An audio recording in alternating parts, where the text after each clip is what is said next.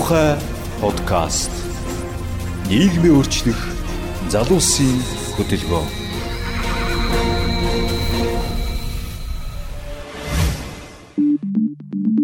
За сайн байцгаана уу? Ухаа подкастын 5 дахь дугаар эхлэхэд бэлэн боллоо. За энэ бол энэ дугаар маань бол 2019 оны сүүлийн маань дугаар байгаа.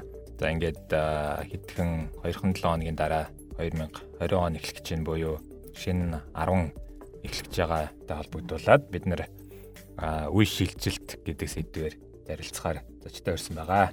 За миний бие хөтлөгч мөнхтэл байна. За өнөөдөр бас зочин хөтлөгчөөр уухаа хөдөлгөөний гишүүн Чимэд Дорж маань хүрэлцэн ирсэн байна. Сайн дээ? Сайн сайн байцгаана уу? За бидний тусгай зочноор зориг сангийн гүйцэтгэх захирал Марлаа хүрэлцэн ирсэн байна. Сайн уу Марлаа? Сайн сайн байна уу? За үе шилжилт. За энэ бол ойлголт бол бас аль аль улсад бол байдаг. Ялангуяа баруунд бол энийг бол бүр нэршлийн өгцөн бас судалгаа хийцэн энэ сэдв байгаа. Бас үе үеэр нь нэр өгцөн тэр үеийнх нь бас онцгой одоо онцлог байдаг учраас ингээд нэрлэлцэн явж идэг. За зөвхөн үе гэдэг хүний үе гэх юм уу? Тийм ойлголт ер нь ямар ойлголт байдیں۔ За баруунд бол байдаг ойлголт манаас Монголд хэр буудیں۔ гэдэг бас ялгаа байгаа. Энэ тал дээр жимдээ ямар ойлголт байдаг вэ? За баярлалаа. Би хөдөөс монгол хүн учраас. За. Тэгэхээр монгол ойлголтын ер нь монголчууд ойлгохтой бол generation гэдэг нэг үе хүний нэг үе гэдгийг 12 жилээр тоолдог тий. Аа тэр нь болохоор одоо бид нар нөгөө 12 жилд суурилсан цаг тооллын бичгээс үндэслэлтэй ч байж магадгүй. Тэгээд нэг үе гэдэг бол 12 насны зүрхтэй хүмүүсийг ерөөхдөө нэг дараагийн үеийнхэн ч гэдэм үү ингээд 12 12 жилээр нь тоолоо явдаг.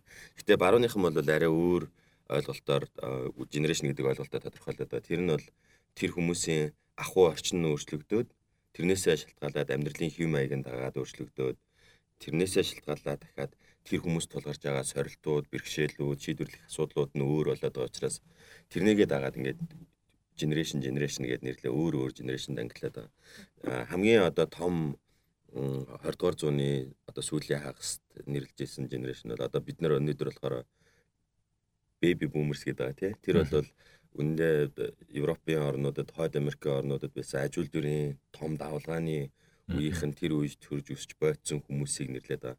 Тэгэхээр тэр үеийнхний нийгмийн байгууламж нь өөр, баялаг хуваарлагддаг тогтолцоо нь өөр, ах уу нь өөр, бүх юм нь өөр. Одоо жишээлх юм бол 1960 70-аад оны үе гэдэг бол үндэ бол бидний ах уйд цахилгаан хэрэгсэл төрж орж ирсэн үе байхгүй.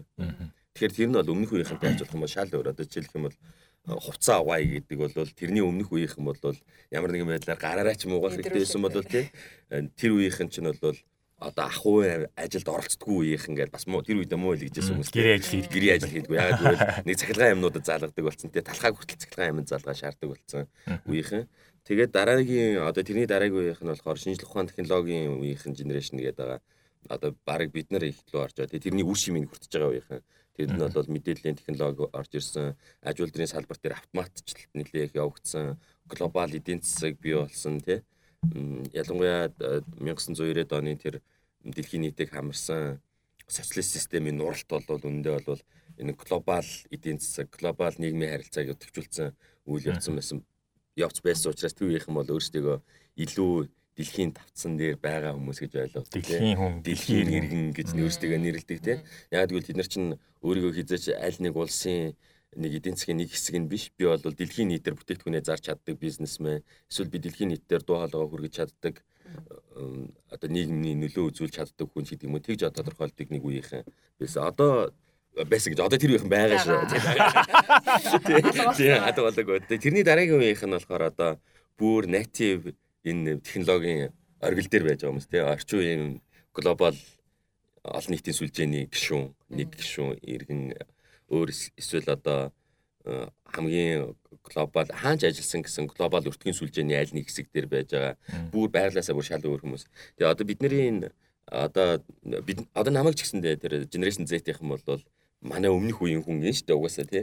Тэгээ тэр хүмүүсийн хүмүүсийг бол одоо яг жинхэнэ судалж байна. Энэ хүмүүс ямар хандлагатай хүмүүс амьдралд яаж ханддгийг ингээд э, агуу сонирхолтой жишээ юм бол энэ хүмүүс одоо судлагдсан байгаа юм. Энэ хүмүүс бол өмч эзэмших хүсэл сонирхол хамаагүй багтаа хүмүүс байна. Одоо жишээлх юм бол бид нар шиг за нэг байр худалдаж авъя, нэг машин худалдаж авъя гэж юусоо бодогддгүй хүмүүс байгаа байхгүй тэр хүмүүс. Тэрний оронд илүү их хөдөлгөөнтэй амьдрал нь шилждэг тэгээ нэг газараас нөгөө газар шилждэг юмыг түрээсэлж чаддаг тий биднээс ялгаатай нь бол аливаа аймаг түрээслэх хандлага илүү өндөртэй өөр өөрөө эзэмших сонирхол багтай тэгэнгүүт одоо орчин үеийн энийгээ дагаад шүү. Дээ бизнес модельуд бол тэр генерашны сонирхлыг дагаж өөрчлөгддөг.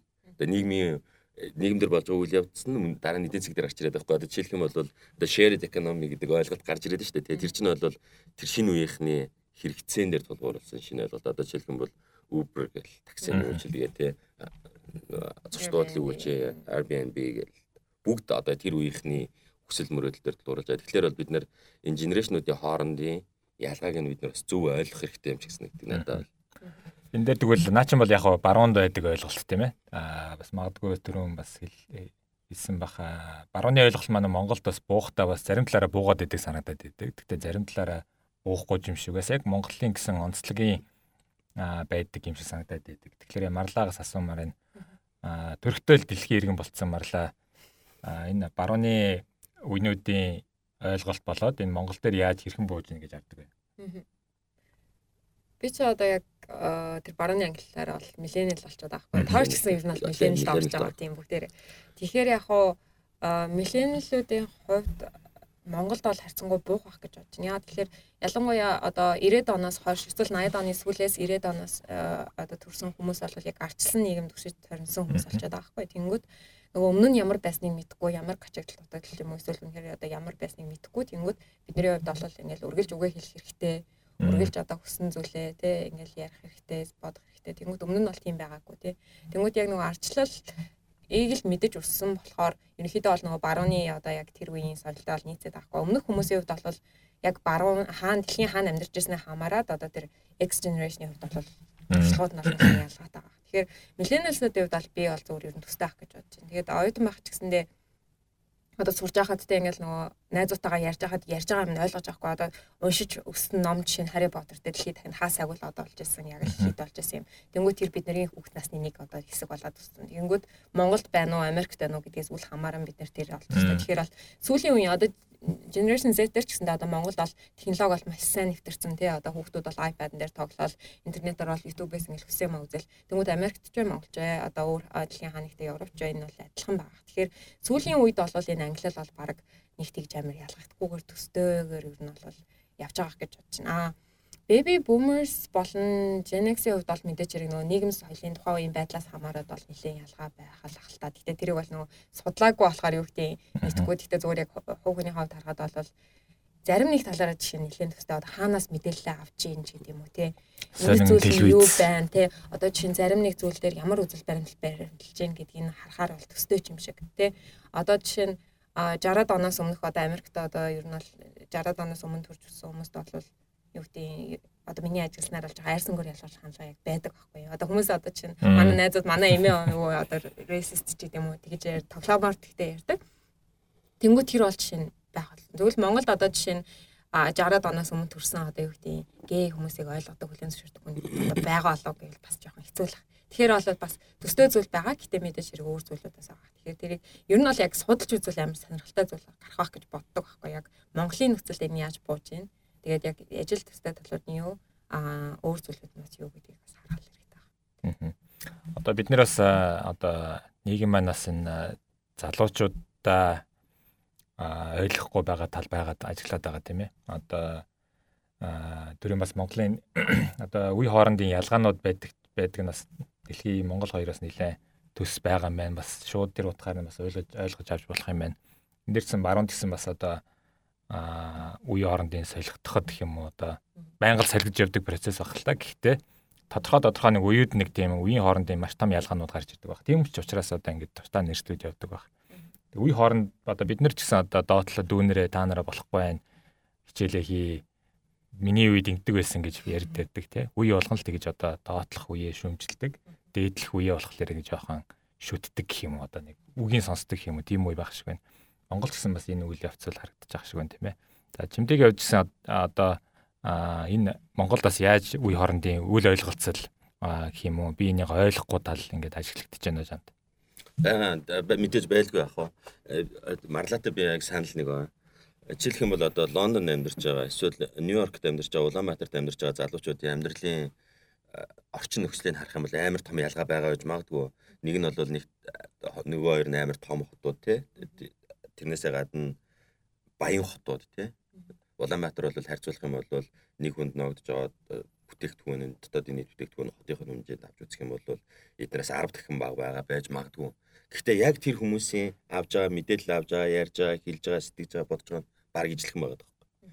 Тэр нь юунаас илэрч байгаа нөхөл генерашн солигдоход гарч ирдэг крайсуудын эрдэмтэд судлаад нэг генерашн өөрийнхөө language хэлийг бий болгодог гэж байгаа байхгүй. Хамгийн эхлээд. Зөв зөв. Тэнгүү тэр хэл нь Монголд байна уу гэвэл яг үнэхээр байгаа. Яг тэгвэл одоо бид нэр генерашн Z-ийнхэнтэй уулзаад ярих юм бол ямар нэг юм дутуу ойлгоод байгаа. Тэдний хилцс өдөр тутмын ярианд хэлж байгаа ямар нэг жаргон гэдэг чинь одоо нэг юм хиллэг байгаа шүү. Тэднийг бид нэр дутуу ойлгоод байгаа тий.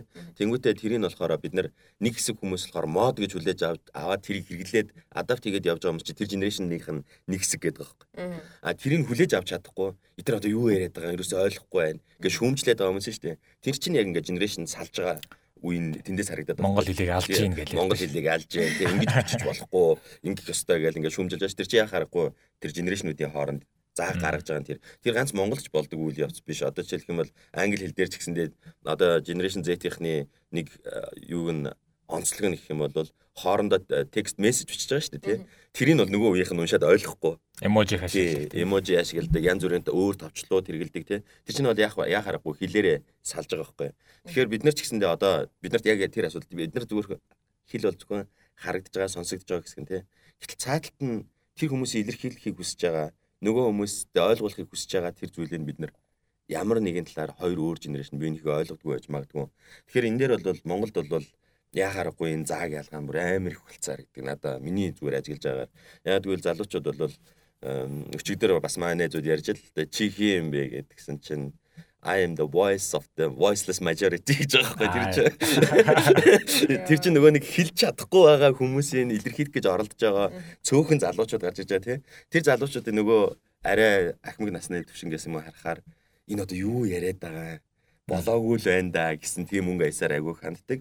Тэгэхээр энэ генерашн хоорондын энэ крайс гэж нэрлэж байгаа тий. Одоо энэ чинь яг яа харахгүй зөрчил бий болж эхэлж байгаа байхгүй. Энийг шийдвэрлэдэг хоёр том хүчин зүйл байна гэдэг. Нэг нь болохоор тэр генерашн хооронд бас дахиад хүмүүсийн харилцааны холбоос нандин холбоос одоо ахмад настай он залуу үе сургадаг залуучууд нь ахмадынхаа туршлагыг өгүүлж авдаг. Энэ бол альч генерашн хооронд байж гэн тий.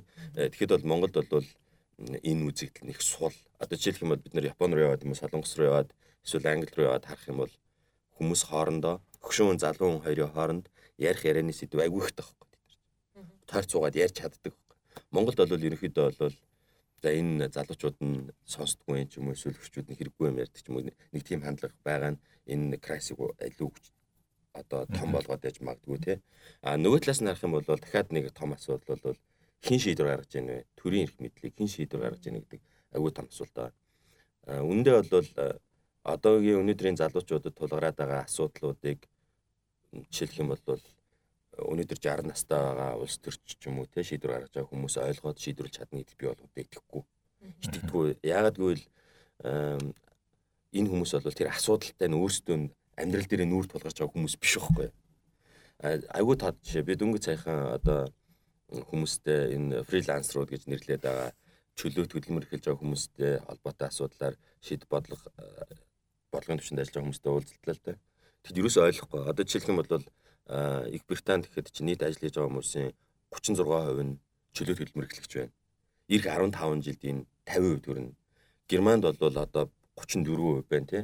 Хойд Америкт Америкт бол арай гайгүй байх шиг фрилансерууд нь тэгтэл бас нэлээд том. Ер нь ойрын нийт хөдөлмөр эхэлж байгаа хүмүүсийн 50% нь 2040 он гэхэд үндсэндээ бол ийм чөлөөт хөдөлмөр эхлэгчд болно. Тэгэхээр энэ хүмүүс чинь болохоор яадаг вэхээр хид хідэн өөрийн гэсэн онцлогтой байхгүй. Нэгдүгээрт нь энэ хүмүүс хизээч нэг байгууллагын ажилтан байж тэр байгууллагын соёлын нэг хэсэг болно гэж өөрөөсдөө бодохгүй байгаа.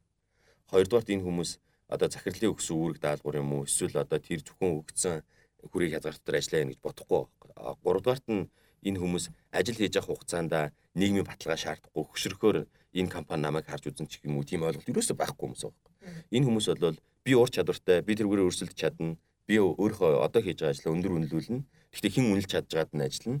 Тэнд би ямар ч хугацаа тавихгүй те би зөвхөн гэрээ ажлынхаа хугацаанд ажиллаа хийгээд үр шимээ өөрөө аавна. Миний өгшрөх одоо хөдөл насны амьдрал бол би өөрөө тэрийг удирдан жолоод нэг сэтгэл үнэмшилтэй хүмүүс хамгийн багадаа 7 хоногт нэг удаа хамгийн багадаа нэг удаа ажил хайж байгаа хүмүүс. Тэгээ фрилансерууд 7 хоногт хамгийн багадаа нэг удаа ажил хайж байгаа хүмүүс байхгүй. Зарим нь өдөр болго ажил хайж байгаа хүмүүс байхгүй. Ажилтаа мөртлөө ажил хайж байгаа. Тэгээ ажилтаа мөртлөө ажил хайж байгаа. Тэнгүүд одоо өнөөдөр хүртэл одоо шийдвэр гаргаж байгаа. Одоо жишээлх юм бол би 60-аас дээш настай ч юм уу улс төрчд энийг бол ойлгохгүй. Яг гэвэл тэр хүмүүс ажил гэдгийг хөдөлмөрийн гэрээ байгуулад бүх насаараа ажиллаад сүлдэн тэтгэврээ аавна гэж боддог хүмүүс бол энэ асуудлыг хизээч тулгарч байгаа нүр тулж байгааг хүмүүс байна. Тэгэхээр бидний одоо энэ генерашн хоорондын энэ зөрчлөг гарах багасгая дараагийнхаа энэ өөрсөндөө тулгарчаа сорилтыг шийдвэрлэгийг өөрийнхөө генерашны хүмүүсийг гаргаад шийдвэр гаргах туушнд оролцуулах. Энэ бол бидний аюу там зорилт сорилт баг гэж боддог. Үе хоорондын одоо Монголд бол нөгөө нэлээ одоо үе хоорондын ялгаа их хүмүүс л одоо зай их байна гэдэг шүү дээ. Энэ магадгүй бас нэг 90 оны хувьсгалтай холбоотой байж магадгүй гэж зүгээр бодлоо л да. Яг өмнөх одоо төр дагаа усуд бол 60 60-аад оныхан за 70-аад оны ихэнх үеийн хүмүүс багшгүй те. Тэднээс бол яг жинхэнэ 90-ад одоо коммунист үед бол яг тэр дэглэмээр 10 жилдээсэн тэр үед 10 жилд төгссөн ийм хүмүүс байгаа шүү. Тэр үед дээд боловсрол эзэмсэн. Тэр үед дээд боловсрол эзэмсэн хүмүүс байгаа. За бидний үйл арай жоохон бас миллениуд бол арай нэг өөр те. Яг төрхтэй яг хоо коммунист үе төрсэн мөртлөө яг хүн бол төлсөн төлөвштэй а хүмүүжигтэй бол яг 90 он гарцсан хойно 10 жилд орж исэн эсвэл 90 он гарцсан хойно 10 жилээ төгссөн. Яг энэ үеийг нь бас нэг мэдэрсэн үе бах. За бүр Gen Z гэвэл одоо бүр төрхтөл дэлхийн иргэн гэдэг шиг түр ярьжсэн шиг төрхтөл iPad-тай, төрхтөл гар утастай, төрхтөл интернеттэй мэдээллийн сувгууд нь өргөн болцсон ийм үед басна. Ингээд ингээд нэг ялгаанууд бол байгаад байгаа шиг байна. Аллагийн хувьд бол зориг сандар бол маш олон залуучууд л чиглэсэн, оюутнууд л чиглэсэн маш олон тийм менторшипийн хөтөлбөрүүд бол явуулдаг тийм ээ. Энд дээр тэгэхээр чиний хувьд бол бас бидний жинхэнэ Gen Z үеийнхэнтэй харьцдаг бас хүний хувьд бол бас Монголын хувьд энэ Gen Z залуучуудыг яг бидний бидний миллениутлууд ч гэсэн бид нэр дүүнрээ шүмжилдэж штэ одоо докторгүй байна одоо айгуу тийм өөр юмсэг хитрхи амиа хичээсэн ч юм уу ингээ гайдаг гэж боддог те. За манай дээливийнхэн бүр энэ за энэ дүүнер бол хүүхдүүд бол бүр болох ачлаа гэж боддог. Гэхдээ бол энэ бол нөгөө нэг чимдэгийн хэлдгээр үе хоорондын биенийг ойлгохгүй байгааг энэ шахал та. Тэрнээс ш бол залуучууд за 10 үедтэй 20 үедтэй залуучууд бол зүгээр суугаагүй бас юм өөрөө хөгжүүлж байгаа бас бас нэг өөр ингээ онцлогтой нэг үеийнхэн байгаа бах. Огт тийм одоо амиа хичээгээд тийм олцсон үе бас биш байх гэж би зүгээр ойлгоод байгаа. Чиний хувьд юу н Gen Z Монголын Gen Z гэж хэлж болох залуучуудыг хараад бол юу гэж юу ажиллаж байна? Би бол тэр нөгөө амиа бодсон ч гэдэг юм уу тэрэндээ бол барыг санал нийлэхгүй. Барыг илүү эсрэг байрсалтай. Яг тэгэхээр одоо жишээ нь нөгөө Greta Thunberg гэх тохион одоо ер нь бол ингээл агуу мэдээллийн анхаарлын төдөө шүү дээ тий нөгөө уур амьсгалын өөрчлөлтийн эсрэг тэмцэж байгаа. Тэнгүүд тэр хүн чинь ер нь бол дэлхийн нийтээрээ энэ асуудал тулгараад байгаа учраас бид нэр нийлээд шийдъя гэдэг тиймэрхүү солиушн гараад. Энэ за энэ охиныг одоо галзуу мэдээллийн өвчтөд ч гэдэм аав ээж нь ашиглаж гин гэд янз бүрийн өнцөг хүмүүс гаргаж тавьж байгаа л та. Гэтэ тэрнээс үл хамааран тэр хүн бол яг өөрийнх нь хэлж байгаа санаа нь бол хүүхдүүд одоо дэлхийн нийтийн бүх хүүхдүүд бидний ирээдүй одоо баталгааг болоод байна. Та нар одоо энэ хариуцлага хэрэгцээгээ болооч гэдэг мессежийг гаргаад тавьж байгаа хгүй. Тэгэхээр тэр хүн зөвхөн өөрийгөө ботсон бол нэг тийм юм бол ярих шаардлагагүй. Тэгэхээр яг тэр хандлага бол айгүй олон миний одоо яг зоригсон дээр хэрэгжүүлж байгаа хөтөлбөр тамраж байгаа хүмүүсээс ажиглагдаад байгаа хгүй. Бүгдээрээ одоо байгаль орчинд ээлтэй бай, илүү нээлттэй бол. Одоо ингээд төсөл хэрэгжүүлэлтэг бидний хүмүүсийг багт хуваагаад тэмүүд ингээд санааг нь сонсохоор хөлийн бэрхшээл дээр ихийг дэмжиж, тэдний оролцоог одоо нэмэгдүүлээ. Ингээд нэг багийн төслийн жишээ нь юу гэдэг автобусны буудлын дээр би одоо хараатай би ингээд надад хүртэл явхад ингээд навигат хийхэд хэцүү байхад хараагүй одоо харааны бэрхшээлтэй иргэд яаж явах юм бэ? Энийг шийдмээр байна гэдэг. Тэнгүүд шийдэл нь өөрөө маш их одоо нөөц болцоо асрыг хөрөнгө шаардсан тийм шийдэл болгонгууд тэр хүмүүс өөр арга замыг хэрэглэдэг юм. Ингээд тэдний зөвөр ерөнхийн юмд ханжаа хандлагыг ингээд хажуунаас хөндлөнгөөс харахаар айгүйх тийм нийгэм баг юм олон нийт баг социалист гэмээр талаасаа зарим зүйл дээр баг тийм хандлага яг ажиглагдаад байгаа байхгүй. Тэр үнэхээр өөрийгөө ботсон ч юм уу амиа хичээсэн байсан бол нэг тийм юм бол байхгүй. Тэгэхээр би бол Ер нь бол одоогийн яг энэ Gen Z гэдэг байгаа хүүхдүүд гэх юм уу дүүнэрийг харахаар баг айгүй тийм ирээдүйд ихтгэлтэй болоод байгаа байхгүй нэг талаасаа.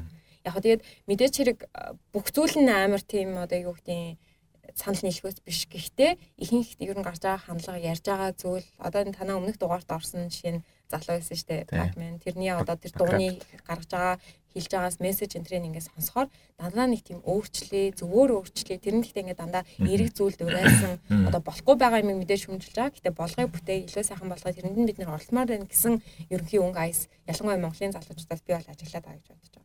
А тэгтээ тэр нь бол юу гэдэг яг үнэхээр бүх маасуу гэвэл бас мэдэхгүй. Ягаад гэхээр би бол одоо жишээ нь Монголын бүх залуучуудад ажиллахгүй шүү дээ. Яг манай хөтөлбөрт шалгараад орж ирж байгаа ерөнхийдөө бас харьцангуй боломжтой хотод амьдардаг тийм мэдээлэлд ойр байдаг ийм хүмүүстэй ажиллаж байгаа. Тэгэхээр яг хөдөөгийн сугамд амьдарч байгаа Монголын Z хүмүүс бас юу бодож гинүү гэдгийг бол би яалыг төлөөж ярьж чадахгүй. Тэгэхээр миний ажиллаж байгаа хүмүүсээс бол яг ингээд ойрхон эргэн тойронд байгаа өөрийнхөө дүүч гэдэг юм ингээд харахаар бол айгүй тийм өөр шин одоо шин давлгаа гэх юм нэг тийм зүйл харагдаад байгаа. Гэхдээ тэр нь бол мэдээж бүгд бол биш байна. Марлагийн хэлж байгаатай түрүүний өөрөж асуусан асуулт дээр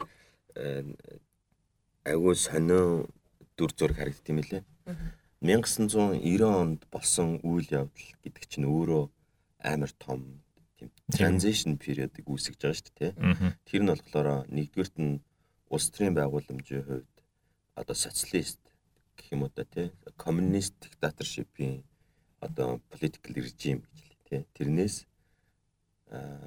ардчилсан хүний эрх мэдээллийг ардчилсан улс төрийн тогтолцоороо шилжинэ гэдэг бол амар том шилжилт. Энэ бол хүн төрөлхтний түүхийг харах юм бол цус урсч шилждэг юм шилжилтүүдийн нэг багхгүй. А хоёр дахь нь болохоор төвлөрсөн төлөвлөгөөт эдийн засгийн системээс зах зээлийн эдийн засгийн систем рүү шилжиж байна. Тэ чөлөөт үн, чөлөөт өрсөлдөөн гэдэг юм систем рүү шилжиж байна. Энэ бол хүн төрөлхтний 200 жилд баг бүтээсэн онол дамжилт руу бид нар шууд өсөрч орж байгаа байхгүй. А 3 дугаарт нь Монголд байгаа нэг айгүй том биднээс үл хамаарсан шилжилт байгаа. Тэр бол хотчих процесс. Одоо 90 оны дараах үйл явдлыг харах юм бол Монголын түүхэнд үр тойжд хизээч байгаагүй хурдцтай хотчих үзэгдэл явагдаж байгаа. Энэ бол баруун Европын орнуудад бол 1900 1900-аад оны ихэнх үед явагдсан. 1800-аад оны сүүлээс 1900-аад оны ихэнх үед явагдсан үйл явц. Дэлхийн ихэнх улс орнуудад 1970-аад он гэхэд ерөнхийдөө хотчих процесс нь дуусах хандлагатай болж исэн тий. Цөөхөн хотчж байгаа улс орнууд байна. Латин Америкт нэг цөөхөн орнууд байна, Хятад байна. Монгол бол хамгийн урдчд хотчж байгаа улсуудын нэг байна. А дөрөвт нь биднээс бас үл хамаарсан бас нэг шилжилт бол технологи. Бидний үнийн эрэхтэй бол Монгол улсын эдийн засагт Монгол улсад ер нь байсан технологи гэдэг бол зөвхөн аж үйлдвэрийн салбарт ашиглаж яах ашиглаж исэн социалист системийн орнуудад бий болсон одоо цөөхөн ихэнх нь бол хөнгөн үйлдвэрлэлийн технологиос өөр юм Монгол улсад байгаагүй тий. Тэгтэл бол шинжлэх ухаан технологийн асар том давалгаа бид нар хаалга онгойлгонгууд зэрэгцэд ороод ирж байгаа. Одоо бид нар дэлгүүрт ороод харах юм бол Монгол хүний үйлдвэрлэсэн бүтээгдэхүүнийг бид нар зармаар байна л гэдэг. Гэтэл технологи амар зөрүүтэй бүтээгдэхүүнүүд төвсөлдөж байгаа. Тэгэхээр энэ дөрв бол энэ transition period гэдэг юм бид нараас үл хамааран чирж явж байгаа. Дээрээс нь дахиад энэний нөлөөний гадна талд нь генерашн хоорондын зөрүүнүүд гарч ирж байна шүү дээ. Яа харахгүй. Гэтэ би харахтаа одоо бид нэр millennials гэдэг байгаа, generation Z гэдэг байгаа энэ бол яа харахгүй. Энэ ардчилсан үндсэн хуулийн хөрсөн дээр өсч бойж байгаа цэцэг одоо ингээд дэлбэгээ нээж байгаа юм. Тэрийг хүлээж авч чадах уугүй юу гэдэг бол манай нийгмийн аюу том сорилт. Гэтэ миний бодлоор бол энийг хүлээж аваад шийдвэрлэх асуудлыг шийдвэрлэх чадвартай шийдвэр гаргах төвш тийм шийдвэрүүдийг гаргая гэж бол энэ хүмүүс өөрсдөө хөдөлгөөлийг гаргах хэрэгтэй. Тэгэхгүй бол өмнөх үеийнхэн бол дийлэхгүй шийдэж чадахгүй яа тэгвэл тэдний би юу яаж байгаа юм биш насаар нь хэлж байгаа юм шүү. Тэдний хүний анхны бол авч ясан дээд боловсрал мэрэгжил гэдэг нь социалист системийн үеийн одоо ч хэлэх юм бол улс төрийн бодлого нь гэхэд бол марксизмын хүмүүс аахгүй. Эдийн засгийн бодлого гэх юм бол political эдийн засаг гэдэг улс төрийн эдийн засаг, марксист улс төрийн эдийн засаг гэдэг юм үзсэн байхгүй. Тэгэхээр бидний өнөөдрийн амьдарч байгаа нийгэм позитив эдийн засгийн онолууд чинь сүүлийн Монголд ерөөсөй байгаагүй ойлголт орж ирдсэн байхгүй. 90 оноос хойш. Энийг ойлгохгүй одоо хүртэл төрөөс ингээд эдийн засгийг зохицуулж болно гэсэн сэтгэлгээний үеийнхэн шийдвэр гаргаад штэ. Аа тэгээд дээрэс нь эднэр энэ хүмүүс технологи хэрэгэлдэг. Одоо жишээлх юм бол асуулт яг одоо бидний гол шийдвэр гаргаж байгаа хүмүүсээс одоо цахим өнгөж юу ингэ асуу л дээ тий. Мэдхгүй. Эсвэл одоо энэ shared economy гэж ямар ойлголт байгаа юм. Жишээлх юм бол энэ чөлөөт хөдөлмөрлөлийг чи хийн. Одоо яг одоо би зүгээр эргэн тойрондоо байгаа настай хүмүүсээс харахад бол өдөр болгон хүн ажил хайж яадаг хүн гэвэл баг ядуу хүн гэж бодож байгаа байхгүй. Тэр хүмүүсийн сэтгэлгээ нь. Яг тэгвэл ажилгүй хүн байна гэж бодно тий. Чи хаана ажилт юм гэхээр нөө би тэгэл өөрөө юм аа гэл ингээд боломж олдохоор нь компани захиалга өгвөл юм аа гэдэг гэвэл чи нэг ажилд орооч гэж л. Тэгэхээр энэ хүмүүс чинь тэр сорилтуудтай нүүр тулаагүй хүмүүс аахгүй мэдхгүй. За одоо бидний залуучуудын түрүүн марлаа айгу бас урам өгөхөөр үйлээ те нөгөө залуучууд мань харин ч илүү хувиа бодох биш гэлээ нийгмийн боддог нийгмийн болохгүй гэдэггүй байгаа зүйлүүдийг илүү анхаарч тэн дээр илүү цаг заваа зарцуулахыг хүсдэг гэж бас ярьж байгаа нас ирээдүйд бас юу гэж байгаа урам өгж байгаа. А тэрийг нь болохоор өмнөх үеийнх юм уу за миллениуд бол гацсангүй гайг ойлгох бах. Өмнөх үеийнхэн бол бинжээ гэлдгэр бол яг үнэхээр үе солигдохгүй бол үе солигдно гэдэг нь насыг нь нилээгүй шүү гэдэг нь хэлнэ бол зөв санаа. Энэ утгаараа ч гэсэн бас уухаа хөдөлгөөний зорилго бол ерөөсөө а шинэ үеийн одоо шийдвэр гаргацдаг шинэ залуучууд насаар нь биш те шинэ үеийн гэж хэлж болох хүмүүсүүдийг бол шийдвэр гаргах хүмүүсүүд нь илүү дэлгүү гаргуулъя. За бас нийгмийн бид нар болохоор нийгмийн идэхгүй гэж яриад байгаа боловч харьцангуй бас нийгмийн идэхтэй залуучууд юм байна. А гэхдээ зүгээр улс төрийн оролцоо талаас нь нэмэгдүүлэх. А гэхдээ улс төрийн оролцоо гэхэлэр зөвхөн сонгуул өгөхийг нь л би ярих гээд байгаа шүү. Тэрнээс ш улс төрийн идэхтэй залуучууд байна. Урлагаараа дамжуулаад бас нийгмийн болохгүй зүйлүүдийг хилж шүүмжилж байгаа нь бол улс төрийн оролцоо шүү. А бас ухаан хөдөлгөөний басны зорилго бол энэ залуу Gen Z гэдэг төрөл одоо английн залуучдыг илүү сонгуул саналаа өгөхийг бол уриалж байгаа. Тэгээд энэ энэ талаас нь бас нөгөө тон статистикээс марлагаас авъя. А зүгээр 16 оны их хурлын сонгуульд бол 18-аас 25 насны 50.8% нь л саналаа өгсөн байсан. 17 оны ерөнхийлөгчийн сонгуульд бол бүр энэс 50-аас доошо хувь унтсан байгаа. А энэ тал дээр марлаа яг Монголд бол 18-аас 25 гэх юм уу Gen Z millennial-ийн одоо насны тоогоор нь ямар хөө байд юм бол энэ дээр бас судалгаа тоог нь харж исэн гэсэн. Gen-с чинь хоош бар дахиад нэг үг гарч ирээд байгаа юм шиг. Alpha Gen. За тэр бас сонгуул өгтлөө бол нэг болоог байгаа. 10 жил байгаа хүүхдүүд гэсэн үг. Тийм, бүр баг сургуульд ороогүй. Аа за. За.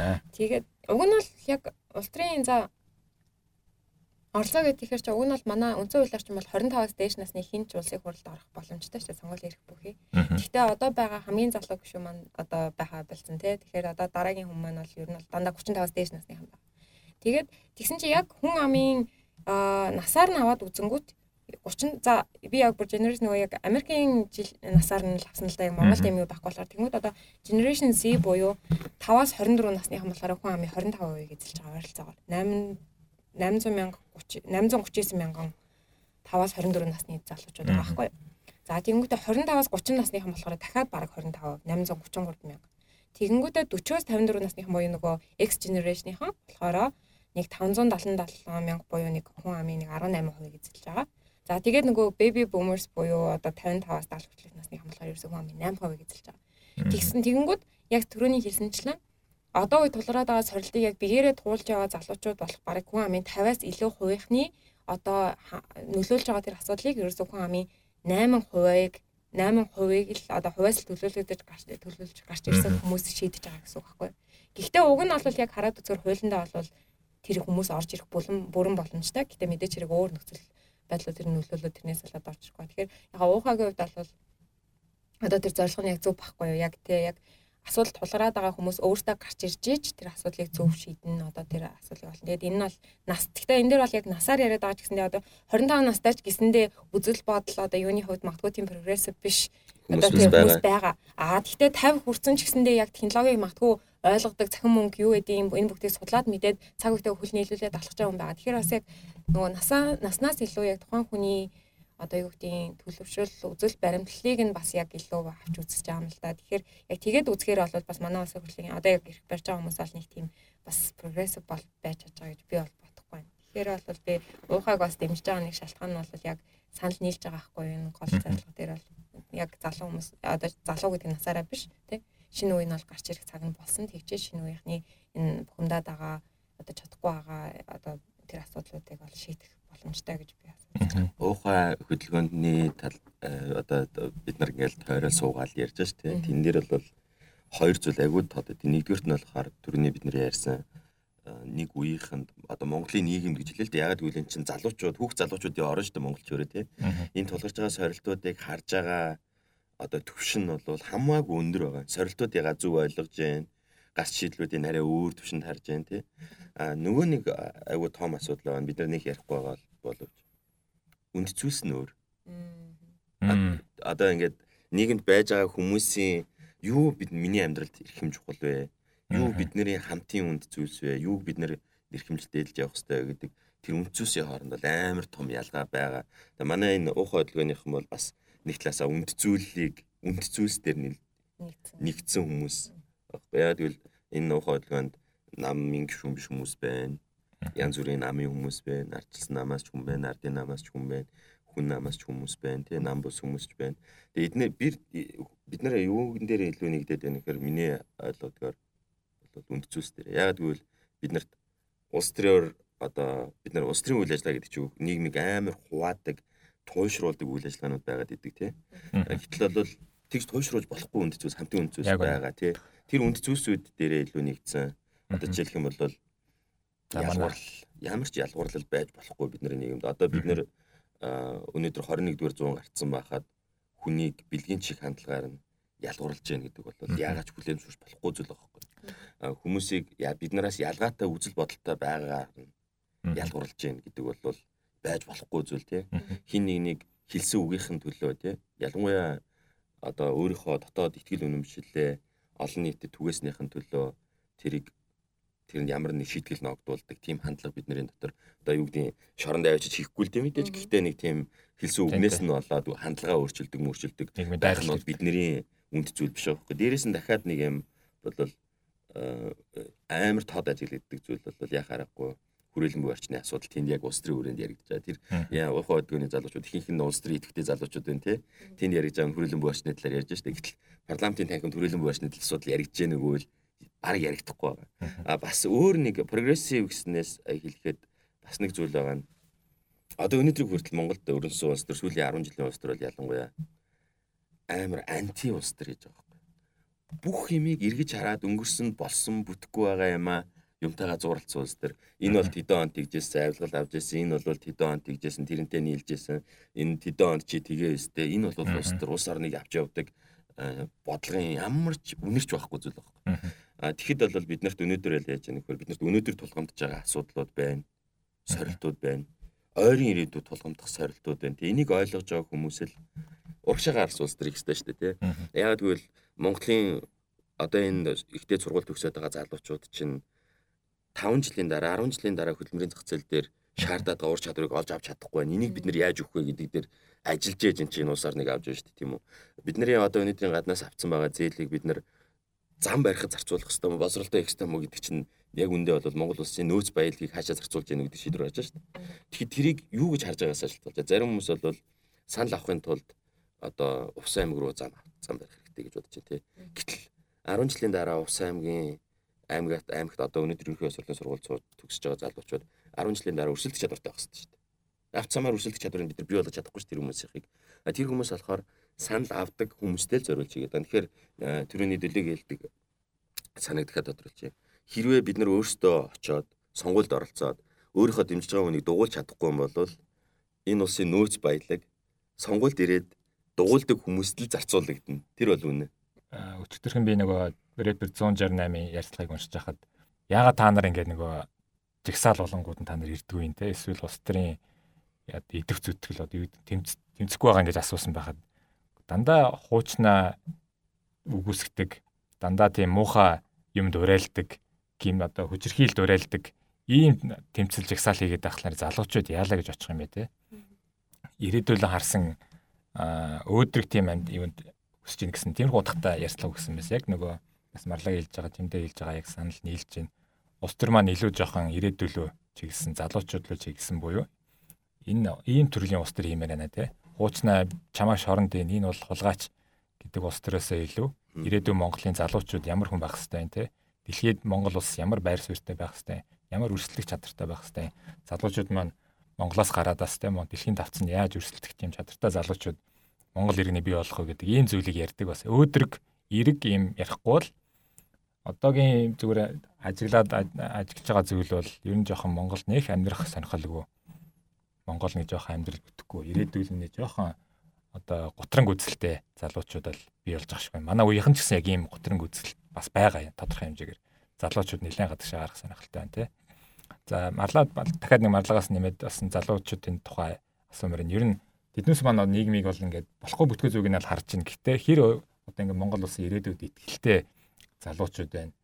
Мэдээж бас гадагшаа яваад сурах босрал боловсрох дуртай залуучууд байгаа. Гэхдээ Монголд ер нь мэрэгжил карьерийн хувьд бол те амьдраад ингээд Монгол улсаа болохгүй байгаа зүйлийг нь зайжруулад тэгсэн мөртлөө нэг өөдрөг үзэл байна уу эсвэл жоохон готрон үзэлтэй байгаа юм. Би одоо яс яг төлөөлж ярьж болохгүй мэдгүй болоо. Гэтэ хүн өстой хүн болгоны хувьд л өөр байгаа. Одоо жишээ нь би бол харцангуй үед бол нэлээд өөр. Тэгэл яг ингээл аюу өөдрөг байж байгаа л орой төвчрэл гэрлүү яах болонгоо цаг болоод төвчрэл эсвэл өглөө ингээл утаа харангууд ёо нэр яагаад ингэж амьдарч байгаа юм бэ гэж бухимддаг ч юм уу те. Гэтэ яг эцээ эцэст яг зүгээр одоо л айгүй чухал үе яриад байгаа хгүй яг өөрчлөх боломжтой. Одоо нэг багтгүй 10 жил энэ дотор бид нэр ингээд transition хийгээд дараагийн үеэ дэмжиж одоо тий тэр хүмүүс маань яг бид нарын хүсэж байгаа тэр өөрчлөлтүүдийг одоо түрүүний чимдэг яснээр зөв зүйлээ одоо бид нарын тий одоо татвар төлөгчтэй мөнгийг хуваарлаа зөв зүйлдээ инвест хийчих юм бол боломж байгаа гэж хараад байгаа байхгүй. Аа тийхгүйгээр одоо яг байгаа байдлаараа яваад энэ үе хоорондын одоо энэ завсар хоорондын үйл ажиллагаанд маань унд томроод хин хин нэг нэгээ сонсохгүй ингээд байгаад ах юм бол асуудал улам дордно. Тэгэхээр нөгөө яг хаашаа ирэхээс хамаарат нэг яг нэг тийм одоо замын огтлтол төр гэх юм уу ер нь бол байгаа гэж би удаа бодоод байгаа хгүй. Тэгэхээр 20 оны сонгуул за тэгээд магадгүй дараагийн тэр 24 оны сонгуул энэ хоёроос бол нэлээ их юм бол шалтгаална. Гэхдээ би бол ингэж бодсон залуус яг улс төрт орохоос одоо итгэвтэй байхаас ер нь бол одоо тэр сонгуулийн эрсдээс ч тэр харж байхад нэг тэгж залхсан гэхээсээ илүү зүгээр л ингээд одоо гомцсон гэж хэлэх нь ашиг зүгээр ингээд discourage болцсон тий. Угаасаа миний хоолоо нэг өөрчлөлт авчихгүй. Миний би оролцлоо гэд нэг өөрчлөлт гарахгүй гэж тийм ойлголттой болцсон. Тэр нь тэгмүүд эсэргээрээ баг одоо нөгөө шийдвэр гаргаж байгаа хүмүүс баг сайнаар нөлөөлөх байхгүй. Яа гэвэл тэр залуучууд нэг хандлагатай нэг залуу нэг хурцлахгүй. 100 мянган залуу тийм хандлагатай байвал тэр хүмүүстэй сонгуульд ирж оролцохгүй. Тэнгүүд оронд нь ирж байгаа хүмүүсийн саналаар бидний амьдрал шийдэгдээд байгаа. Тэгэхээр залуучууд эргээ зүгээр яг та нар бас тэрэн дээр агиох ажил хийх хэрэгтэй ах л та би бол ялангуяа юм уу хөдөлгөөний зүгээс бол тэр нөгөө нэг одоо буугаад өгсөн ч юм уу ихтгэл алдарсан байгаа залуучуудад үгээ боломж байгаа та нар одоо хэрвээ сонгуулаа өгөөд өөрсдийнхөө дуу хоолойг илэрхийлэх юм бол бид нэр одоо ингээд те урлам та нарын өмнөөс ажиллах боломж нэг нэг гэдэг тэрийг ойлгуулах хэрэгтэй. Тэгэхээр яг аль аль хандлагыг би бол мэдэхгүй байна аль аль нь байгаа. Тэгээд хаашаа жиргэж магтгүй байгаа. Ер нь бол айгүй тодорхойг байгаа. Би бас айгүй тодорхойгүй яриад ах шиг байна. Тэгээд ер нь бол Тийм, ста яаж ч мах. Би нэг э, сонин түүхээр би саяхан нэг залуутай эдийн засгийн сургууль сурдаг э, яг уу дөнгөж сургуулаад өгсөн байгаа залуутай. Би нэрийг хэлээд яг. Би тэгэл манай ингээд асуудалд амар хайн ханддаг санагдаж байгаа хгүй надад. Тэгэл үш чи наад онлайн хараач. Чи наад тэрийг хараач гэдэг тэнгүүд та тэгж бодод байгаа. Гэж нэг нэг асуудал нэг юм хайн ханддаг. Хандаад байгаа юм шиг санагдаад надад. Тэгээд би дотроо бол бодож байгаа хгүй айгу сони юм аа гэж. Яд чи өмнө ингэ serious яд чи ингэ суугаад тогтоо суугаад харж чадахгүй гэсэн би тийм дүгэлт хийж байгаа байхгүй. Тэгээ би дараа нь өөрөөсөө ицсэн штэ. Дараа нь тий 2 2 7 хоногийн дараа би тэр ингээл хамт юм хийж явж 2 7 хоногийн дараа чинь нөгдөж амар өндөр аналитик чадвартай хүн байгаа байхгүй. Хамт яг ажлынгууд яг ойлгож байгаа байхгүй. Тэгээд амар зэгцтэй сэтгэдэг, амар зэгцтэй тэгтээ дүгнэлт хийдгүү. Яа дүгнэлт хийхгүй байх гэхээр дүгнэлт хийх үз хүрэлцээтэй би тийм тоо олж чадаагүй учраас хэлэхгүй байгаад байгаа болохоос ш. Миний анх дүгнжсэн шиг ингээд юмд хайн хандаад байгаа юм биш байгаа байхгүй. Тэгэхээр би ч гэсэндээ одоо өөрийгөө тэгж бодож байгаа. Үнэхээр хүний ингээд одоо тэр чинь бол би надтай харьцуулах юм бол туршлагаар нь бодсон ч гэсэндээ туулсан замлаар нь бодсон ч гэсэндээ амар жоо баг байгаа харагдаж байгаа. Тэгэхэд бол тэр аналитик чадвар нь яг адилхан тэр надаас ч илүү байхгүй аналитик чадвараараа. Тэгээд ялгаа нь болохоор тэр хүний зүгээр л илэрхийлж байгаа илэрхийллийг би ойлгохгүй байхгүй тий. Тэнгүүд 2 7 хоног ажиллаад үнэхээр энэ хүн чинь бол асуудлуудаа мэдж जैन зүв харж байгаа юм байна. Дүгнэлт хийх би байсан бол одоо энэ дэр дүгнэлт хийчмээр байна тэнгүүд би дахиад нэг жоохон шалгаадах. Тэр чинь хамаагүй илүү нэг хуураж байгаа тий. Ёс зүйн асуудал шүү дээ. Дүгнэлт хийхгүй байх ёс зүйтэй юм байна. Тий. Тэгэхэд чинь бид нар болохоор одоо хүртэл одоо монголчлоо тийм одоо би тэгээд буруу хандж байгаа хгүй. Тэгэхээр дараагийн үеийнх нь бол биднээс бол ямагт илүү байна. Тэрэн дээр бол эргэлзээд хэрэггүй. Ах нарт ч гэсэндээ одоо эгч нар ч гэсэндээ хэлэхэд дараагийн үеийнх нь ч та нараас илүү байгаа. Зүгээр л та нар энэ хүүхдүүд гэж бодоод байгаа. Эднэр болоог байна гэж бодоод байгаа. Боловч тэд нар чинь шал өөр хүмүүс. Тэрийг бол бид нар хүлээн зөвшөөрөх хэрэгтэй. За одоо цаг нэлээд төгж байгаа учраас бас манай подкастын маань яг уламжлалаар шинэ уламжлал эхлүүлээд явж байгаа. Одоо уншиж байгаа номныхаа тухайд товчхон яриад бас ямар хэвээр ягаад уншиж байгаа хэлмээр байгаа санааг нь бас товчхон хэлээд өгөөч гэж үсэж байна. Тэгээд чимдээ гэсэ эхлэх үү. За тийм. бисээ дахиж нөгөө нэрийг мартсан байж байгаа. Дахиж хэлэхэр чинь түрүү харлаа. Бид нэр супермаркетаас жарил илүү хүсэж байсан. Ингээд Václav Klaus гэдэг хүний ном уншиж нэг одоо. Тэгээ энэ номыг унших болсон шалтгаан нь за шалтгаан нь амар урт түүх болох гэдэг. Гэхдээ надад нэг асуулт байгаад идэв. Монголын одоо өнөөдрийн байгаа нийгэм эдийн засаг улс төрийн нөхцөл байдал ялангуяа авилгал, хэлэх хул тэгэл энэ үйл явцуудыг хараад бид нэг зөв дүгнэлт өгөх хэрэгтэй, өөрсөндөө олж авах хэрэгтэй гэж бодоод нэлээд эрэл хайгуул хийгээд байгаа. Тэгээд 2 сарын өмнө Клема гээд Чехийн эрдэмтэнтэй тэр тоталитар дэглэмээс гажуудсан арчлал руу гэдэг номыг бичсэн эрдэмтэнтэй бид нар нэг хамт хоол идэх боломж олдоо. Тэгээд тэрүүнээс асуусан. Тэгээд Монголын талаар асууж байхгүй юу гэж бодож байна. Чехтэй харьцуулбал ямар байна? Бусад зүүн Европын орнуудад юу болж байна? Нөгөө 90 оны үйл явцын дараах үйл явдлаар асууад би тэгээ жижигхэн тэмдэглэл бичээд яваад. Тэгсэн чинь тэр хүн гайхаад яагаад Монголын гудамжинд хүмүүс бухимдлаа илэрхийлж гарч ирэхгүй байгааг би гайхаад байна. Хэрвээ тий хэрвээ яг ийм нөхцөл байдал хэрвээ Чехт ч юм уу эсвэл зүүн Европын аль нэгэн оронд байсан бол аль хэзээ хүмүүс бухимдаа засгийн газар огцруулад асуудлаа засварлцсан байгаа. Монголчууд яагаад гарч ирэхгүй байгааг би ойлгохгүй байна гэсэн бохоггүй. Тэгээд э, сая энэ Václav Klaus гэдэг хүний бид нар супермаркетаас арай илүү хүсэж ирсэн. Ингээд Чехийн одоо нийгмийн эдийн засгийн тэр шилжилтийн үед тулгарсан гол асуудлууд юу байсан? Яаж шийдсэн? Тэрийг одоо өнөөдрийн өндөрлөгөөс харуул зөв буруу яг гэвэл чи ерхийлэгчээр ажиллаж байсан юм шүү дээ. Тэгмүүд яа тэр хувьсгал үйл явдлыг удирдах гэсэн тийм хүн учраас яагаад өнөөдрийн нөхцөл байдал үүссэн тэр нь юуны одоо эдэг бүр дагавар байсан юуны алдааны сөргүүр дагавар нийлээд өнөөдрийг бүтээгээд байна уу гэдэг талаар бичсэн ном. Тэгээ энэ хүний хандлагаас харахаар бид нар нэг юм би тэр номноос нэг юм амар ойлгож байна. Өнөөдрийнхөө цаг үед тухайн үед нь дүгнэлт хийж чадаагүй болвол үргэлж дүгнэлт өнгөрсөн дүгнэлт хийн. Тэр өнгөрсөн хийж байгаа дүгнэлт чинь useless байдаг. Өөрөө хэлж байгаа байхгүй тэр хүн. Тухайн үедээ бид нар ингэж бодож ирсэн, ингэж шийдсэн Тэгээ тэрийг зөв гэж бодож исэн. Гэхдээ бид нар яасан бэ гэвэл тэр үедээ дүгнэлт хийгээгүй учраас тэр үедээ зөв гэж бодсон чинь одоо харсан чинь тийм байна.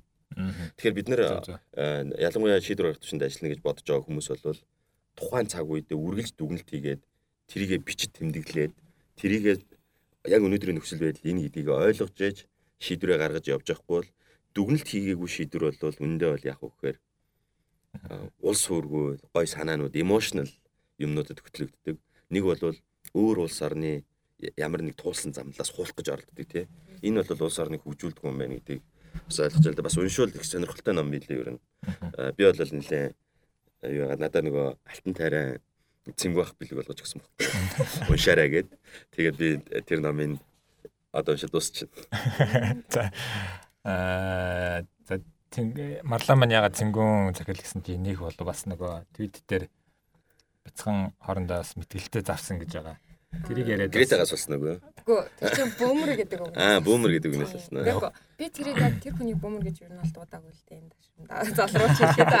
Уучлаарай зэнгөө. Нэр төргөөс сэргийлэх. Тэр зүгээр ингэсэн мэс ахгүй нэг твитэн дээрээ нэг зүйл тайлбарлаж агаад тэгээд ойлгохгүй бол явж ном унших гэж бичсэн ахгүй. Тэгсэн чи яг өмнөх өдрийн твиттер дээр бөөмрүүд альва зүйлийг тайлбарлаж чадхаа болохоор ном унш гэдэг гэд бичсэн байсан. Тэр нь санаанд ороо зүгээр ха ха хин тэгэж бөөмрүүдийг ном унш гэдэг гэд байлаа гэд тэрийг ингээд ретвит ингээд бичсэн чинь тэрний тэрнээс болоод айгүй хүмүүс миний өмнөөс баг орж тэн дээр бухимдлаа илэрхийлээ. Тэр нэлээ ингээд урт юм яриа болсон байхгүй юу. Тэгээд тэгэнгүүт сая нөгөө яг Ер нь бол өнөөдөр эний энэ сууж байгаа нь гэрлээ тэр бүүмер гэдэг твитийг хараад намайг чи ийшээ ор. Манай продюсер гэрлээ. Тийм, generation-ы хоорондын юу ярих гэж байгаа чи ор гэдэг намайг ер нь бол хүчээр оруулсан. Тэгэхээр яг нөгөө цэнгөн гэд нэр сонсонгууд гин сая энэ төрхгүй юу. Гэтэ тийм сонирхолтой ном байна. Би болохоор яг одоо уншиж байгаа номоо хариул айгу уйтгартай. Зүгээр яг нэг онлайн менежмент. Менежментийн ном байгаа. Гэтэ би өөр ном санал болгох чи. За.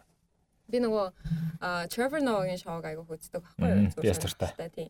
Тэгээд мань хүний Born a Crime гэдэг намыг уншсан уу? Уншаагүй гэхдээ уншаа stand up-ын зөндөө үзсэн. Stand up-ын үзсэн. Тэгэнгүүт яг өөрөө болохоор audio book-ыг би бол бүр санал болгоно. Яг өөрөө ингээд уншсан.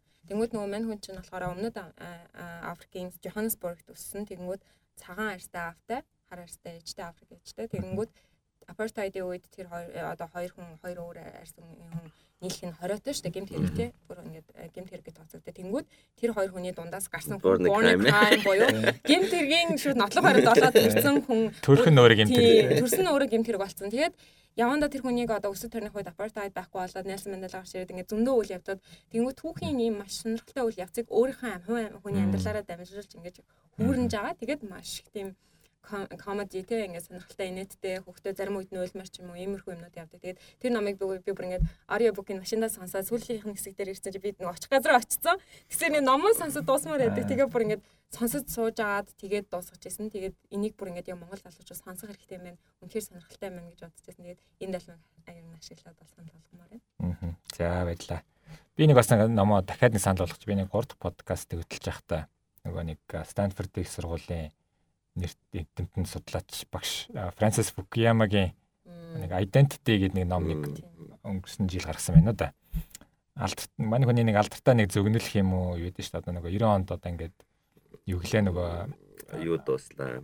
Одоо ингээд юу лээ түүх туслаа чи түүхийн төсгөл. Түүхийн төсгөл end of history тий. Буюу одоо нөгөө одоо коммунизм гэдэг үл устлаа. Одоо ерөөсөө дэлхийн дэлхийд ганц үлдсэн одоо үзэл бодол диалог бол одоо арчлал юм байна гэдэг тийм зөнсөн маягийн гэхдээ мань хүн олон юм бичсний зүгээр нэг дүгнэлтийг нь л аваачаад нөгөө нэг мань хүн яг буруу дүгнэлтлээ гэж ярьж байгаа боловч өөр болохоор бас зүгээр яг хаа тэгэхээр томсдог. Тэгээд нөгөө identity гэдэг ном гаргацсан. Одоо яг нэг орчин үеийн дэлхийд даяар болоод байгаа нэг тийм арчлалын арчлаас нэг ухраад байгаа юм шиг те.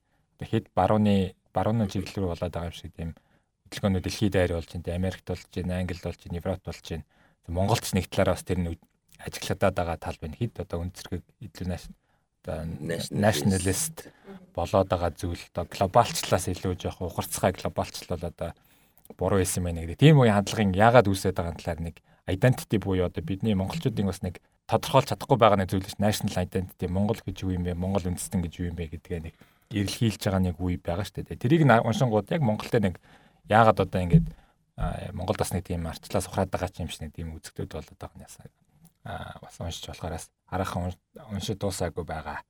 За ийм Ерхэд бол тий нөгөө Франс Фукуями чинь Монгол нэлээд ирдэм аа. Лари Даймонд Лари Даймонд Франс Фукуями чинь бас Монгол хидэд дуу ирсэн бас манайхнаа бас очны зөвлөгөө авдаг нэг Монголын талаараас ойлголттой эрхмүүдийн нэг ба. Тэр нэг айгуу сонирхолтой ном байсан. Уучлаарай нэг юм мэдээлчих энэ identity гэдэг ойлголт бол бид нар үнэхээр одоо энийг бас намайг хэдүүлээ. подкастын нэг нэг дугаар болгомоор бас сэдв шүү тий. Үндэснийхээ хувьд ч гэсэн хувийнхээ хувьд ч гэсэндээ бодож үзэх хэрэгтэй зайлшгүй шаардлага тулгарсан асуудал. Бид нар одоо одоо жишээлх юм бол би Монгол хүн гэдэг нь үндэ яг юг суудахтай юм бэ гэдгээс шалтгаалаад Монгол улсны хувьд улсын ирээдүйн хувь байна. Яг бол нэг бидний нэг Тэнгүүд одоо жишээлбэл зарим хүмүүс түрүүн бас марлаг ярианд гэсэн зарим хүмүүс одоо э, гадшаагаа гарчих уу Монголд амьдрах уу гэдэг шүү дээ. Гэтэл бол одоо ингээ манай гадна амьдарч байгаа найз нөхдүүд энэ хэлэхэд бол тэр хүмүүс бол гадаадд удаа амьдарч чадахгүй хүүхдүүдийнх нь орчин сайхан байна. Гэхдээ л тэнд чинь нэг хүний тэр өөрийнх нь identity нөгөө талаасаа байгаа шүү дээ. Би бас энэ талаараас нэлээд сонирхож уншаад bych байхгүй. Тэгээ дараа хэрвээ подкаст хийвэл өрөөрэй. За. Яг ганцаар бас Windows айгуу хин. Тий, ярьж байгаа. Яг хоо би зүгээр э, сая нөгөө юуны ер нь national identity building гэдэг чинь угаасаа төрийн айгүй том бодлогууд яваад байгаа цааталт 40 жил 50 жил үргэлжилсэн бодлогууд яваад байна. Би сая Stanford-ийн сургуульд э, PhD хийсэн хятадын identity-гаар судалгааны ажил хийсэн хятад залуугийн нэг дипломын ажлыг уншсан байхгүй. Тэгээд жишээлх юм бол хятад бол нийтдээ 56 үндэстэн этник группүүдээс бүрдсэн нэг улс тий. Тэгтэл яаж яаж нөгөө нэг хятад гэдэг улсыг бий болгож байна уу? Тэр бодлогын алдаан оноо нь юу байна уу? Тэр талаар бичсэн. Тэгээ би дараа нь бодож явахад зүгээр л ингээд Монгол гэдэг бол яг хятадын нүдээр харах юм бол хятадын дотор байгаа нэг этник групп хөлийн гадна дахиад тусгаар тогтносон улстай. Тэгэхээр энэ асуудал нь яаж крайс болж байгаа тэр монголчууд руу өр монголчууд руу чиглэсэн хятадын identity-г бэхжүүлэхийг чиглэсэн бодлогод юу байгаа гэдгийг уншаад бол надад бол бүр ингээд эсрэгээр айдас төрж эхэлж байгаа байхгүй. Одоо нөгөө Монгол identity гэдэг чи юу вэ? Яг тийгнээс. Энэ сэдвээс дараа нь тусгай подкаст хийх учраас тэгээ дараагийн дугаартаа үлдээе. Тэгээд 19 оны сүүлчийн дугаар юм чинь за хэдүүлээ нэлээд цаг яачлаа гэхдээ гайг баха. А 19 оны сүүлийн дугаар юм чинь зүгээр одоо нэг хүн болгол нэг оноо нэг дүгндэг. За оноо дүгнэхэ боли хэдүүлээ. Нөгөө өнгөрснөө харахаа боли гэж гэж ярьсан шиг. 20 он зүгээр ерөөдөө тавчхандаа нэг өгүүлбэр юм уу? Юу хүлээж чамаг одоо 20 он биднийг бидэнд одоо юу хүлээж байгаа вэ гэдгийг өгнөд нэг эсвэл зөгнөөд нэг банка шиг нэг юм хэлмээр байх зүйлээ юу юу хэлмээр байна. Тэгээ хувийнхээ хувьд бол би өөрийнхөө habit-уудыг сольж байгаа, солих гэж оролдож байгаа. Тэгэхээр habit тэр нөгөө зорилтоо бичиж хэрэгжүүлэхэд бол habit-уудаа бэхжүүлэхэд чиглэгдсэн үйл ажиллагаа болоод оны эцэг 2020 оны эцэхэд бол би өөрийн шинэ хавартай өөрч мэдэрж болсон байж гин гэж бодож байгаа. Улс орны хувьд бол Монгол улс бол бидний төлөөллийн арчилсан тогтолцоо гэдэг чинь 4 жилд нэг удаа Монгол улсын иргэн бүр өөрийнхөө амьдралыг өөрчлөх боломж бүрддэг онд харж байгаа учраас бол 20 онд Монгол улсад цоо шин парламент бүрдээд тэр нь илүү цаг үетэйгээ хөлнийлүүлж алхаж чаддаг. Монголын нийгмийн тийм Монголын нийгмийн олонхын хүсэл зоригийг илэрхийлж чаддаг. Нэг чимээгүй цөөнхийн дуу хоолой болсон тий. Чимээгүй олонхын. чимээгүй олонхын дуу хоолой болсон. Тийм парламент, тийм парламент бүрдээс бүрдсэн байна гэж найдаж байна. Гэхдээ нэг бас монголчуудын бүгдээрнгийнхэн хамтын хүсэл ирмэлцэл бол инх тайван байгаасаа тийм Монгол улсад тоталитар дэглэм эсвэл төрийн хүчирхийлэл байхгүй айц төрүүлсэн үйл явдлуудаас болоод байна шүү дээ. Тийм болоод байна шүү дээ. Ийм гүгээр шинэ парламент бүрэлдээд Монгол улс хөгжлийн дардан зам дээрээ гарч ирсэн байгаасаа гэж бодож. За, Ерөөл Батар шигэ. За, Марлагийн хувьд 20 онд чамааг болон Монголыг юу хүлээж ингэж бод. Би сая яг 3 оны өмнө нөгөө ажлынхаа архивын зургуудаас заримыг нь үзчихсэн байхгүй яг 89 оны 12 сарын 10-нд яг нөгөө анхны арчлын жагсаал болсон. Тэгээд анхны нөгөө 13 гэдэг шүү дээ. Алтаа хараацнууд маань яг нөгөө жагсаад тэр үед чинь яг зориг болохоор 27 настай байсан юм лээ. Тэгээ би яг одоо 27 таа. Бас тухайд хөвшөндөө орох байна. Тэгээ би хүүх 27 наснда энэ хүн одоо ингэ те бүхэл улс орныг өөрчлөх хэмжээний ийм аж мэдээж ганцаараа байгаагүй. Гэтэ тэр ийм зүйл хийж исэн. Тэгэнгүүт ингээд нэг талаасаа бараг жоохон existential crisis орох маягийн юм. Те би одоо 27 та яг юу гэж байгаа лээ гэж бодно. Яг тэр хүний үйл хэрэг өргөжлүүлээд явж байгаа. Гэхдээ тэгээ бодохдоо эргэжил. Би ерөөсөө яг нөгөө нэг иргэний хуваарч тэр ерөнхийдөө залууны хуваарч тэр улцар жоох итгэвтэй бай гэж бодлоо. Тэр нь гэхдээ яг нөгөө сонгуулаа өгөхөөс ил зүгээр яг одоо жишээ нь бид нэр зурагтаар кино гарч ийн үү? Одоо тэгээ улсын нөгөө улсын хурлын чуулган гарч ийн үү? эсвэл ямар нэг мэдээ гарч ийн үү? Хвчлэн киног сонгодог те. Тэгвэл тийхгүй бай. Яг надад нөлөөлөх миний эргэн тойронд хүмүүс нөлөөлөх энэ шийдвэрүүдийг илүү одоо тийм мэдчих хэрэгтэй мэн дуу хоолойгоо одоо шаардлагатай зүйлээ хүргэж явах хэрэгтэй мэн гэдгийг ер нь сүүлийн хэдэн сар нэлээд ойлгосон. Тэгэхээр 20 оны үед илүү жоохон Австрийн жоохон итгэцэн тийм одоо хугацаа онцаг байх болов тэр нь ч яг нэг сонгуулийн жилдээ яг давхцад тарж байгаа. Тэгэхээр 30 жилийн дараа хэрвээ яг одоо 30 жилийн өмнө бид нэр агүй том өөрчлөлтийг маш зөвөр хийж чадсан. Тэгэхээр одоо 30 жилийн дараа дараагийн зөв болохмаа бас хийж чадах байх гэж бодож байна. Тэгэхээр ер нь бол агүй л их оптимистик өдрөл байгаа шүү дээ. Тэгээд агүй гоё өөрчлөлт гарах байхаа. Миний хувьд гэсэн бас Монголд амьдарч байгаа шалтгаан бол ерөөсөө мэдээж бол болохгүй зүйл байгаа зүйл нь хараад байнга л тэрийг нөвлж идэг. Ахтай Монголын ирээдүйг би өөдрөг хардаг учраас л энэ Монголд байгаад байгаа. Жимлээдсэн маань тийм байх, марлагдсан тийм байх. Бид хэдүүлээ бас гадагшаа яваад бас ажиллаад амьдэрч болмоор чадвартай бас ийм боцролтой, туршлагатай хүмүүс гэж бас манай үеийнхэн бас зөндөө байгаа тийм. Ерөнхийдөө ер нь бол Монгол хүн гадагшаа явъя гэвэл харцангуй бас боломжтой болчлаа. Гэхдээ Монголын ирээдүг бол өөдрөг хардаг учраас Монголда байгаад байгаас өглөө суугаад байгаа. Энэ утгаараа бас манай монголчууд манаас бас Монголын ирээдүйд бас итгэх итгэл нь бас өөдрөг жоон гутраад гутрангуй болоод байгаа юм болов гэсэн зүгээр ажиглаж байгаа. Энийг л зүгээр буцаад эргүүлмээр байна. Би бол зүгээр Монгол хүнийг харахтаа айгүй өөдрөг хүмүүсийг шаарддаг. Ерөнхий ямар ч зүйл дээрээ. Тэрс нэг судалгаан дээр ч нэг нэг харагдсан юм лээ. Маргааш одоо байгаа амьдралтай хангалуун бус тэгсэн мөртлөө ирээдүйдээ айгүй тийм ихтэй өөдрөг байдаг. Энэ магадгүй бас нүүдэлчин зантай холбоотой гэж магадгүй санагдаад байдیں۔ Хөдөө бол тэгээд нөгөө гутраал ингээл орноосоо босхгүй байгаад байвал те юу болох вүлээ хоолгүй сүүгүй махгүй мал нь ингээд тараад алгуулсан юм болцдог дандаа ирээдүйдээ ихтгэлтэй өөдрөг учраас нөгөөдрийн цаг агарыг мэдэхгүй мөртлөө л ерөөсө босоод ингээл малаа хариулаад ингээд яваад идэг учраас өөдрөг хүмүүсүүд нь л Монгол амьд үлдсэн болоо гэж боддог. За ингээд уучлаарай дүүлээ би хамаас нэг асуулт асуусан. Ерөөсө асуулт болоод олсон гэж.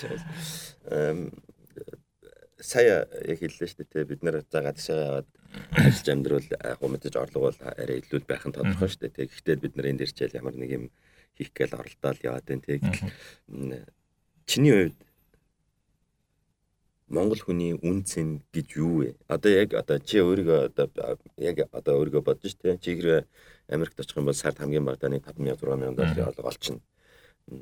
За тэгэнгүүт чиний гэр бүлийн чинь асуудал амьдралууд чинь тодорхой хүүхдүүд цэцэрлэгтэй явж сургуульд явна эсвэл одоо жоохон хөрөмлөл үүсгэн тий байшин түрээслээд лизингээр эсвэл моргэж тамрагцсан гэсэндээ хамаагүй та танигчлалтай байгаа.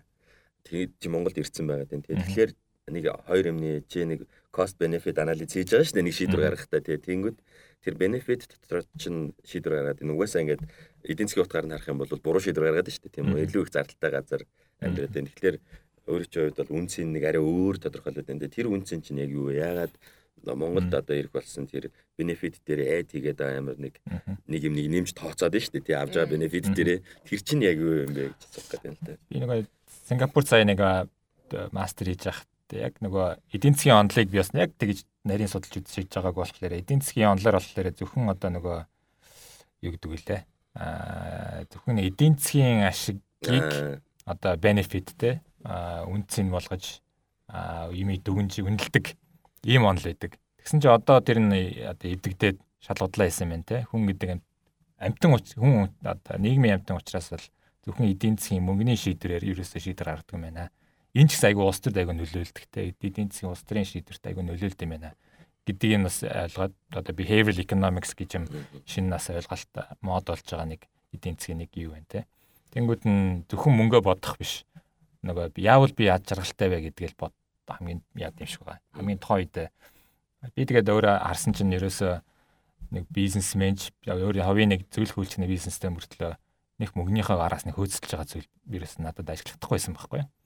Ядаж нэг чигвэд нэг клиент маань ингээд чамд мөнгө өгье чи зүгээр нэхэмжлэгээ лавид дээр би төгчвөл танаад ингээ мөнгө шилжүүлэх гээд байна гингүүд нь. Заа гэчихэд би өөрөө яг очихгүй л байгаа байхгүй нэхэмжлэгээ ийм л одоо типний хүн юм байлээ бизнесмен мөртлөө мөнгөний араас хөөцөлдөггүй бизнесмен гэж юу ах вэ? Тэгэхээр илүү нийгмийн л идэвхтэй зүйлүүд нийгмийн ажил илүү л ингээл цагаа зарцуулаад тэр чинь бол дандаа л зарлах штэ. Яг зүгээр мөнгөөр бодвол ийм л зүйл дуртай хүн юм бэлээ. Тийм учраас Америкийг би одоо очиод төгжүүллээ юу те Сингапурыг очиод төгжүүллээ юу. А энэ Монголд илүү юм надад хийх орон зай байна. Хүм нэмрээ оруулах надад том жим байна. Миний жим бол Монголд бол том байгаа байхгүй те. 3 сая хүний нэг гэдэг бол а 100 100 сая 10 сая 300 сая хүн тийм миний жин бол өөр учраас би өөрийнхөө жин миний жин Монголд илүү одоо хүнд юм байна гэдэг тийм том юм байна гэж ойлгоод тэргээ мэдрээд буцаад Монгол түрээд ирлээ тэгээд Монголоо хөгжүүлнэ. За.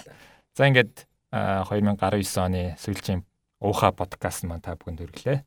Аа ингээд 2019 он манц бас улс их орн ажил өгдөг лээ. Нэг ерөөлийн үгээд идэв чинь жимдээ нэг гоё ерөөлийн үг хэлтэй нэг 19 оноо сайхан шинэ оны нэг сайхан хөдлөө юу лээ 20 оноо сайхан би хэлэх гээд үү те 2019 он өмнөх жилүүд ихэл нэгээд л ороо бусгаа нийгэм Монголын ороо бусгаа нийгэмд бид нэр хөгшин залуу эрэгтэй эмэгтэй хүмүүс бүгдээрээ нийлээл Монгол улсын түүхийн нэг хуудсыг эргүүлж байна. Тэгээд 2020 он болвол Э, өмнөх жилүүдээс шал өөр он эхэлж байгаа. Тэгээд эх жилдээ та бүхний идэвхтэй оролцоо э, бид бүхний хамтын хүч хөдөлмөр санаачлага дээр үндэслээд Монгол улс бол хөгжлийн цоо шин зам дээр гарч ирнэ. Тэрэнд бол би бол хувьдаа итгэлтэй. Тэгээд бүгдээрэнд нь энэ подкастыг сонсож байгаа бүх хүмүүст хамгийн түрүүнд нь Монгол хүмүүс эрүүл байх хэрэгтэй. Бүгдээрээ эрүүлийн байцгаая.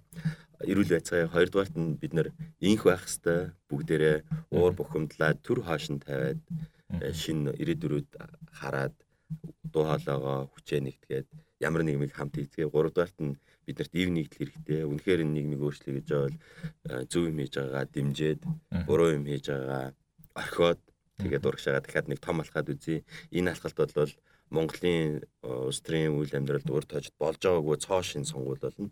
Яг гэвэл генерашн хооронд үүсчээд байгаа энэ том асуудлыг бол олонх шийдэн олонх нь бол залуучууд бид нэр та нар шүү. Тэгээ бүгдэнд нь аз жаргал хүсье. За тэгээд чимээгүй олонх маань подкаст сонсож байгаа л бас эрг жилдээ ус төр идэхтэй байхыг бас уриалаад бид нар ч бас ууха хөдөлгөөний зүгээс л та бүхэндээ уриалах болно. За ингээд ууха подкаст 5 дугаар дугаар 5 дуустаа ингээд баяртай.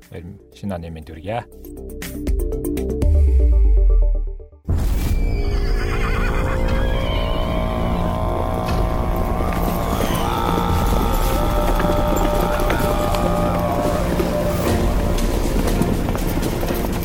Уухай подкаст. Нийгмийн өөрчлөх залуусын хөтөлбөр.